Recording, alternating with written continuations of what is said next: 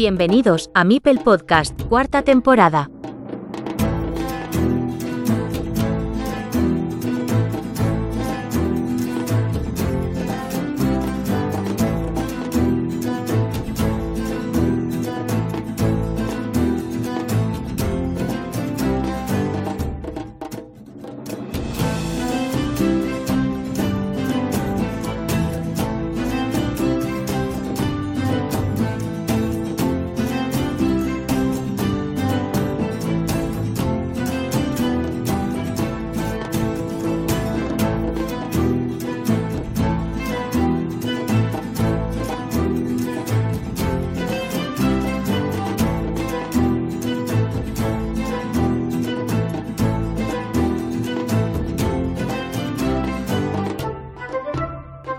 A year and a half after his first interview on this channel, we are pleased. Un año y medio después de su primera entrevista en este canal, tenemos el placer de contar en nuestro programa con Alexei Peguchev, actual subcampeón del mundo de Carcassonne en Hern 2023.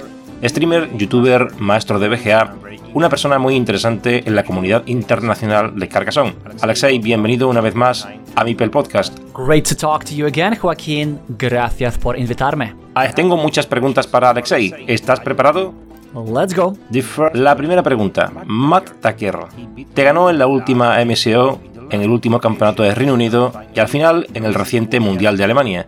Puede que tú seas más fuerte que él, pero todos encontramos a otro jugador al que es imposible noquear. La misma sensación que tengo cuando me encuentro con Someone You Know en la competición de arena, ¿la tienes tú cuando juegas contra Matt Tucker en persona?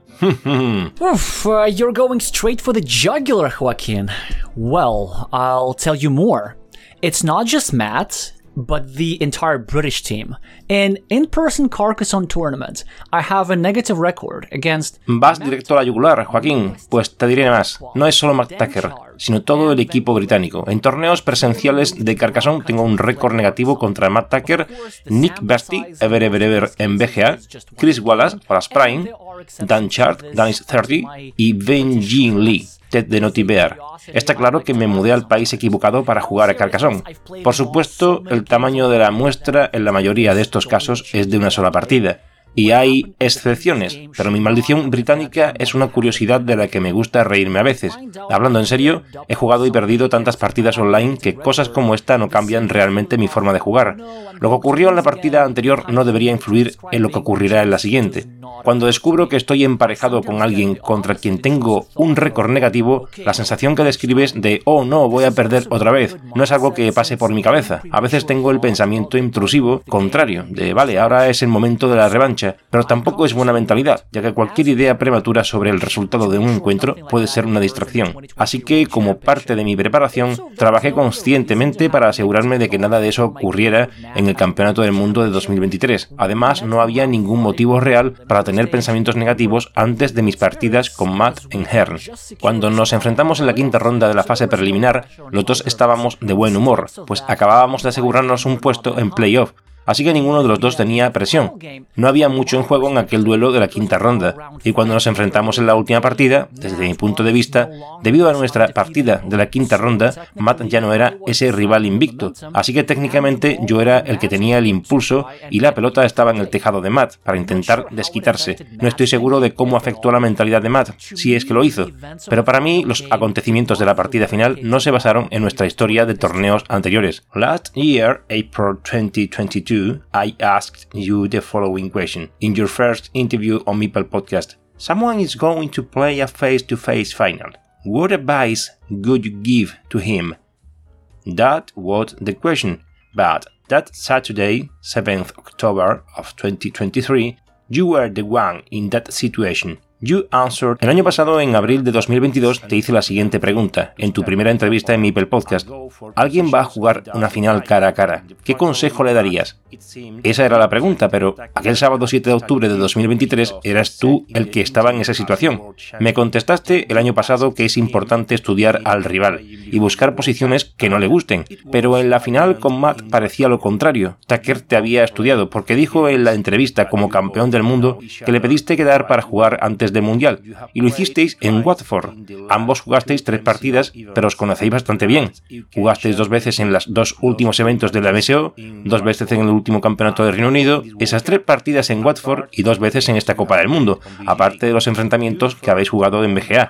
Tú primero ganaste la partida anterior, en la fase del sistema suizo, pero la gran final fue diferente. Explica a los oyentes cómo fue para ti. ¿Cuál es tu opinión sobre ese encuentro, por favor? It wouldn't be accurate to say that Matt had somehow studied me.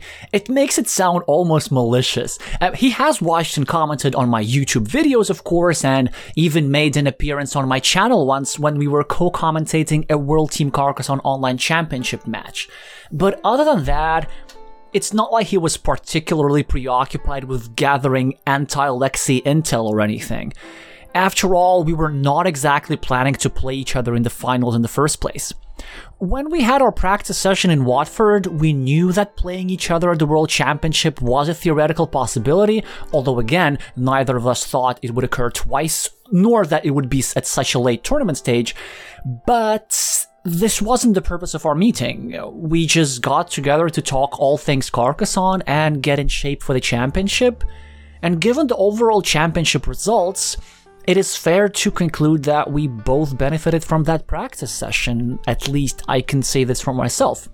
But going back to the core of your question, which is No sería exacto decir que Matt me ha estudiado de alguna manera, lo hace sonar casi malicioso. Ha visto y comentado mis vídeos de YouTube, por supuesto, e incluso apareció una vez en mi canal cuando comentábamos juntos un partido del Mundial. Pero aparte de eso, no es que estuviera especialmente preocupado por reunir información contra Alexei, ni nada parecido. Al fin y al cabo, para empezar, no planeábamos enfrentarnos en la final. Cuando tuvimos nuestra sesión de entrenamiento en Watford, sabíamos que jugar el uno contra el otro en el Campeonato del Mundo era una posibilidad teórica, aunque de nuevo ninguno de los dos pensábamos que ocurriría dos veces, ni que sería en una fase tan avanzada del torneo. Pero ese no era el objetivo de nuestra reunión. Simplemente nos reunimos para hablar de todo lo relacionado con Carcassonne y ponernos en forma para el campeonato. Dados los resultados generales del torneo, es justo concluir que ambos nos beneficiamos de esa sesión de entrenamiento. Al menos puedo afirmarlo por mí mismo. Pero volviendo al núcleo de tu pregunta, que es cómo fue jugar la final contra alguien con quien tienes una larga historia, seguí lo que dije en la respuesta anterior. Sabía tanto sobre el estilo del juego de Matt como él sobre el mío.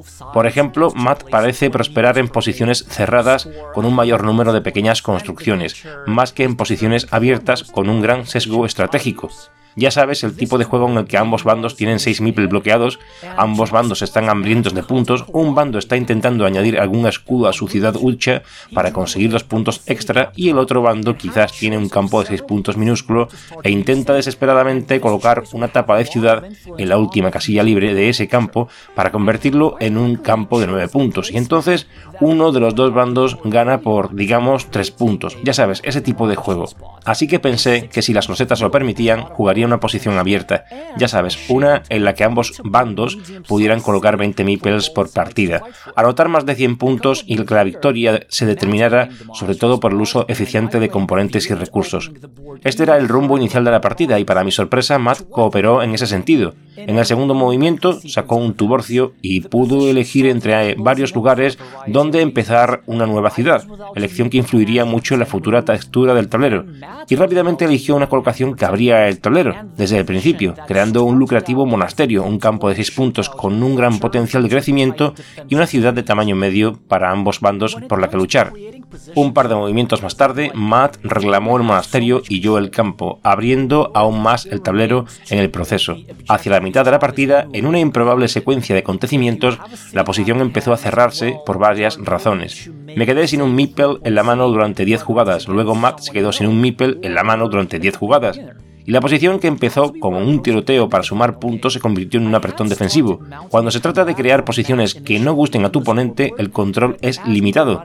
La prioridad sigue siendo hacer la jugada objetivamente más fuerte que puedas encontrar. Si tienes una tapa en la mano, pues vas a hacer la misma ciudad de 4 puntos tanto si juegas contra Chamon Juno como contra un completo principiante. A medida que nos acercábamos al final de esta última partida, yo había empezado a remontar la ventaja inicial de Matt en el marcador, pero como se nos iban acabando las rosetas, cada vez tenía menos tiempo para compensar la diferencia de puntos y mi porcentaje de victorias estaba a punto de caer a un solo dígito. Hubo un momento a falta de 8 losetas en el que en lugar de intentar encontrar la mejor jugada objetivamente, podría haber aprovechado el hecho de que a Matt se le estaba acabando el tiempo y hacer una jugada diferente que le diera más opciones, simplemente intentando provocarle para que cometiera un error. Sin embargo, no llevé a efecto esa idea. Optar por el enfoque más estándar no me costó la partida, pero con la escasez de losetas que había, habría perdido con un punto en lugar de dos. Y en retrospectiva, intentar un enfoque antihumano en lugar de objetivo en la fase previa al final de la partida probablemente habría sido mi mejor oportunidad práctica en una situación tan desesperada. Si alguno de tus oyentes se pregunta de qué jugada estoy hablando, que espere hasta finales de diciembre cuando salga mi serie completa de vídeos de resumen del campeonato del mundo. One more difficult question. Otra pregunta difícil. ¿Eres un maestro en BGA y solo un jugador experto presencial? I don't particularly enjoy referring to myself as a master in the first place. Even though it is an actual title, which I have, the sound of it has a conceited flavor to it. Of course, I do use the word master all the time for the sake of YouTube content. I put the word master in YouTube video titles and descriptions to communicate to new viewers that, hey, it's not just some rando talking, the advice they're gonna get has some actual credibility. But other than that, I don't use the word master that much, even for online Carcassonne. So labels aside, the way I, the way I understand your question would be, do I play worse in person than online? To that I say that everybody plays worse in person than online. Every now and then, I find myself in an online game in which my opponent just makes zero mistakes. Never had that happen in person. Not even En primer lugar, no me gusta mucho referirme a mí mismo como maestro. Aunque sea un título real que tengo, el sonido que produce tiene un sabor engreído. Por supuesto, uso la palabra maestro todo el tiempo por el contenido de YouTube. Pongo la palabra maestro en los títulos de los vídeos de YouTube para comunicar a los nuevos espectadores que no se trata de un simple charlatán, sino que los consejos que van a recibir tienen cierta credibilidad. Pero aparte de eso, no uso mucho la palabra maestro, ni siquiera para Carcassonne Online. Así que etiquetas aparte, la forma en que entiendo tu pregunta sería ¿juego peor en persona que online? A eso respondo que todo el mundo juega peor en persona que por internet. De vez en cuando me encuentro en una partida en BGA en la que mi oponente comete cero errores. En persona nunca me ha pasado ni una sola vez. Y tiene sentido si lo piensas. En línea prácticamente miles de partidas y en persona como mucho cientos de partidas. Mejoras en lo que más practicas. Y estas cifras son válidas para casi todos los aspirantes al título mundial. Si nos fijamos en su historial de partidas online, Maciej Polak más de 1500 partidas, Arpad Guerra 6000. Matt Tucker sería la excepción con solo 1000 en BGA, pero tiene una vasta experiencia en otros deportes mentales online para complementar eso. He oído hablar de algunos jugadores que tienen fama de no ser tan fuertes online, pero sí en persona. Sin embargo, no creo que sean una excepción. Me parece que simplemente son mejores que sus competidores a la hora de trasladar su experiencia en línea a situaciones en persona. Si analizáramos objetivamente la calidad de sus actuaciones en términos simplemente del número de errores, estoy bastante seguro de que sus juegos online seguirían siendo mejores que sus juegos presenciales. Dicho esto, pasé algún tiempo en agosto y septiembre preparándome específicamente para el aspecto presencial del Campeonato Mundial de Carcassonne. Trabajé en la visión del tablero, el recuento de losetas, el recuento de puntos, la gestión del tiempo y las interacciones interpersonales. No me fijé a objetivos para el campeonato en cuanto a resultados, pero sí en cuanto a rendimiento. El principal objetivo que tenía era jugar a un nivel lo más parecido posible al de mi juego online, y creo que pude cumplirlo. Hice un buen torneo en general, consiguiendo ganar siete partidas seguidas, y lo que es más importante, siete tipos de partidas muy diferentes, mayoría de meeples, minoría de meeples, lucha campal al estilo brasileño, desequilibrio al estilo japonés, conseguí resolver algunos finales y probar una amplia gama de estrategias ajustándome sobre la marcha a las propiedades únicas de cada posición. En algunas de estas victorias obtuve ayuda de la pila de losetas y en otras tuve que remontar una racha de piezas objetivamente perdedora. Por supuesto, también cometí errores, como ha revelado el análisis posterior de las rondas preliminares, pero no el tipo de error que no cometería también online. Al menos conseguí evitar hacer algo realmente estúpido que me costara una partida entera. Así que una respuesta breve a tu pregunta sería no, aunque hay diferencias innegables entre Carcassonne en persona y Carcassonne online. Los efectos visuales, el control del tiempo, el aspecto humano, fundamentalmente sigue siendo el mismo juego de colocación de los setas. Intentas encontrar buenos movimientos y maximizar tus posibilidades de ganar. Si consigues una tapa de ciudad, da igual que sea un trozo de cartón o un montón de píxeles, los cuatro puntos saben igual. Everyone. Otra pregunta, todo aquel que queda invicto en las rondas preliminares del campeonato del mundo nunca llega a proclamarse vencedor del torneo. Okay, then uh, next year I'm gonna try losing one game on purpose and see if it helps me in the playoffs at all. Okay, in all seriousness, I'm not sure if there is a good explanation for it. You could maybe argue for something psychological, like maybe the winner of the preliminary stage gets complacent. I don't think it was the case with me though. Um, as soon as the preliminary stage had concluded, a friend came over to congratulate me, only to immediately follow. Vale, el año que viene intentaré perder una partida a propósito y ver si me ayuda en las eliminatorias. Con toda seriedad, no estoy seguro de que haya una buena explicación para ello. Tal vez se podría argumentar a favor de algo psicológico. Quizás el ganador de la fase previa se vuelve complaciente. No creo que fuera mi caso. En cuanto terminó la fase preliminar, un amigo vino a felicitarme para recordarme inmediatamente, recuerda que aún no has ganado el campeonato. Así que me tomé el resto del día con la seriedad que se merece. La verdadera explicación, creo, es aburrida y sencilla. Una vez terminada la fase preliminar, quedan ocho contendientes un ganador de la fase preliminar y otras siete personas que no son ganadores de la fase preliminar. Si suponemos que todos tienen las mismas posibilidades de ganar, hay un octavo de posibilidades de que el ganador de la fase preliminar se lleve el título y siete octavos de que no lo haga otro.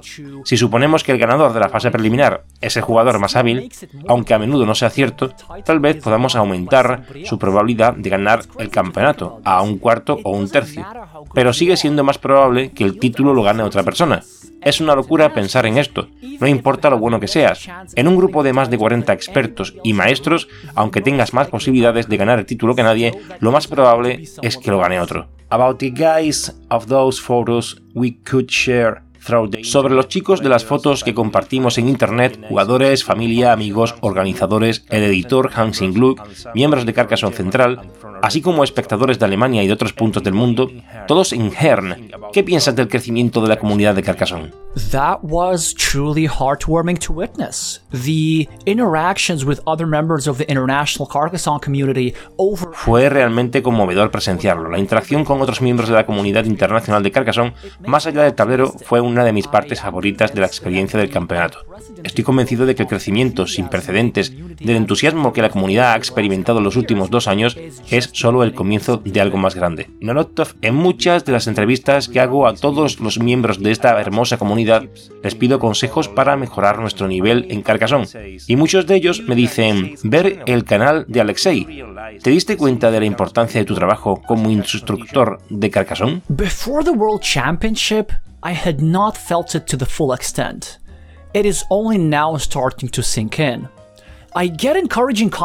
Antes del Campeonato del Mundo no lo había sentido en toda su extensión. Solo ahora empiezo a darme cuenta. Cada vez recibo más comentarios y mensajes alentadores. Y mi canal se ha más que triplicado en visitas desde nuestra última entrevista. Pero no fue hasta Hern cuando por fin conocí a muchos de mis espectadores en persona, incluidos aquellos que no tenían ni idea de que veía mi canal. He empezado a tomarme cada vez más en serio mi canal de YouTube. Tengo planes ambiciosos a largo plazo. Como mínimo pretendo seguir haciendo vídeos mientras tenga algo valioso que compartir. Y como ahora recibo mensajes del tipo, ¿puedes hacer un vídeo sobre esto? ¿Puedes hacer un vídeo sobre aquello?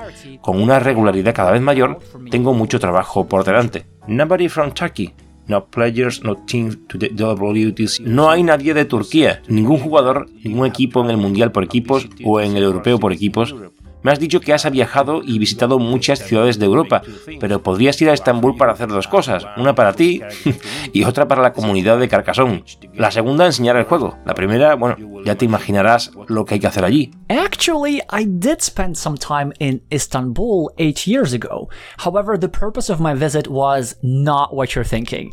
There was no need back then. I didn't teach any Carcassonne either.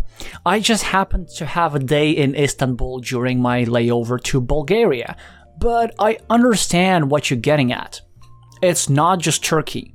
There are many countries where the competitive Carcassonne scene is still young, and yet it feels that a portion of the population would be potentially interested in competitive Carcassonne in a way that would fit into their lives with some positive value. And it is true that such countries could use knowledge and resources from outside to help them off the ground. En realidad pasé algún tiempo en Estambul hace ocho años. Sin embargo, el propósito de mi visita no era lo que estás pensando. No había necesidad entonces. Tampoco enseñé nada de Carcassonne. Casualmente tenía un día en Estambul durante mi escala a Bulgaria. Pero entiendo lo que quieres decir. No es solo Turquía.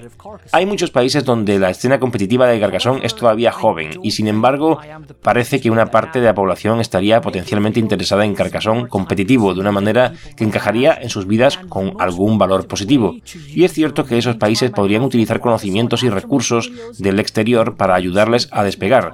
En el futuro me encantaría ver equipos del WTCOC de Turquía, Corea, Australia, Canadá, Finlandia, Suecia, Suiza, países que tienen jugadores expertos, pero no el número suficiente para formar un equipo o desarrollar una cultura de carcasón competitivo, todavía.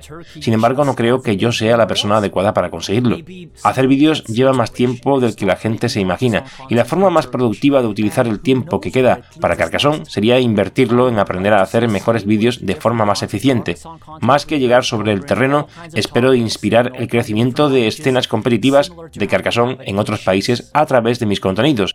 Mi canal de YouTube ya está disponible en Turquía como en cualquier otro sitio. Tal vez alguien se inspire y empiece a hacer contenido de Carcassonne en turco, y quién sabe a dónde nos llevará después. Me gustaría ver una escena con diferentes creadores de contenido de Carcassonne cubriendo todo tipo de temas, similar a como lo tienen en el ajedrez.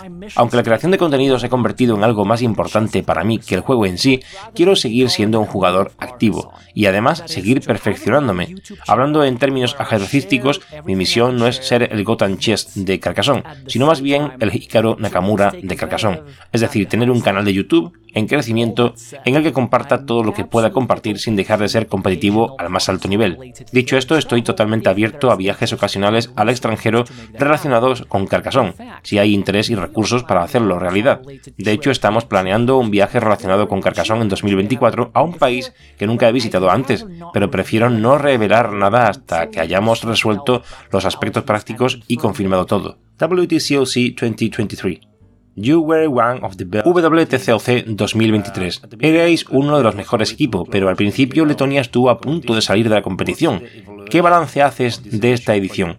In the group stage, we found ourselves in the objectively toughest group. So mathematically, almost every team in our group was one loss away from elimination at some point. So Team Latvia is not unique in that regard. However, there was a key moment in the seventh round of the group stage that is well worth sharing. We had all but guaranteed qualification into the playoffs with one round to spare. All we needed to do was not to lose to Poland 5 0, or to hope that Ukraine does not win against Spain with a score of 4 against 1 or better. So we didn't even need to win against Poland. We could afford the loss of 2 against 3, for example, and then the outcome of the Spain versus Ukraine match wouldn't even matter at all. En la fase de grupos nos encontramos en el que objetivamente era más difícil, así que matemáticamente casi todos los equipos presentes en él estuvieron a una derrota de la eliminación en algún momento, así que el equipo letón no es único en este sentido. Sin embargo, hubo un momento clave en la séptima ronda de la primera fase que merece la pena compartir. Teníamos prácticamente asegurada la clasificación para playoff a falta de una jornada.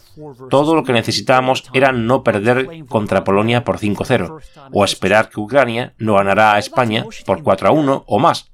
Ni siquiera necesitábamos ganar a Polonia.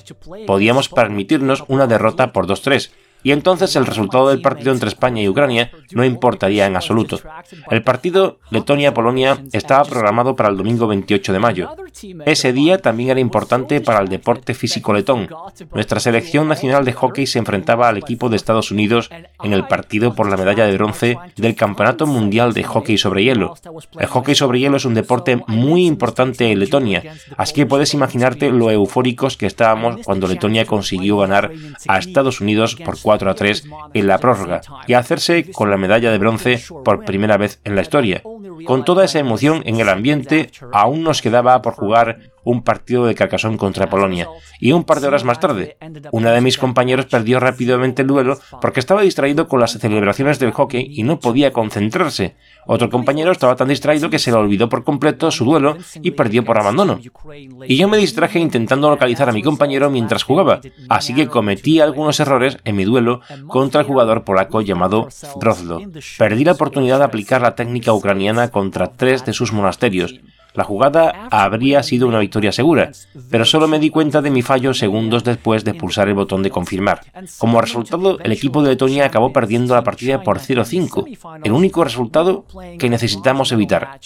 Por suerte para nosotros, el equipo español se impuso con contundencia al equipo ucraniano más tarde, y Letonia pasó por los pelos a la fase preliminar. Un mes más tarde nos pusimos en la piel, o debería decir en los patines, de la selección letona de hockey. Tras ganar en cuartos de final a Rumanía, hasta entonces invicta, y sucumbir en semifinales ante China, a la postre campeona del mundo, jugamos un encuentro por la medalla de bronce en el Campeonato del Mundo, y al igual que el equipo de hockey, salimos victoriosos por un estrechísimo margen, cuando Norbert Strautins se impuso la partida decisiva al español Fernando de los Ríos y nos puso por delante 3-2. Letonia tuvo un buen año en general en deportes físicos, así que la coincidencia de que nuestros deportes mentales siguieran el ejemplo hizo que toda la experiencia fuera aún más especial.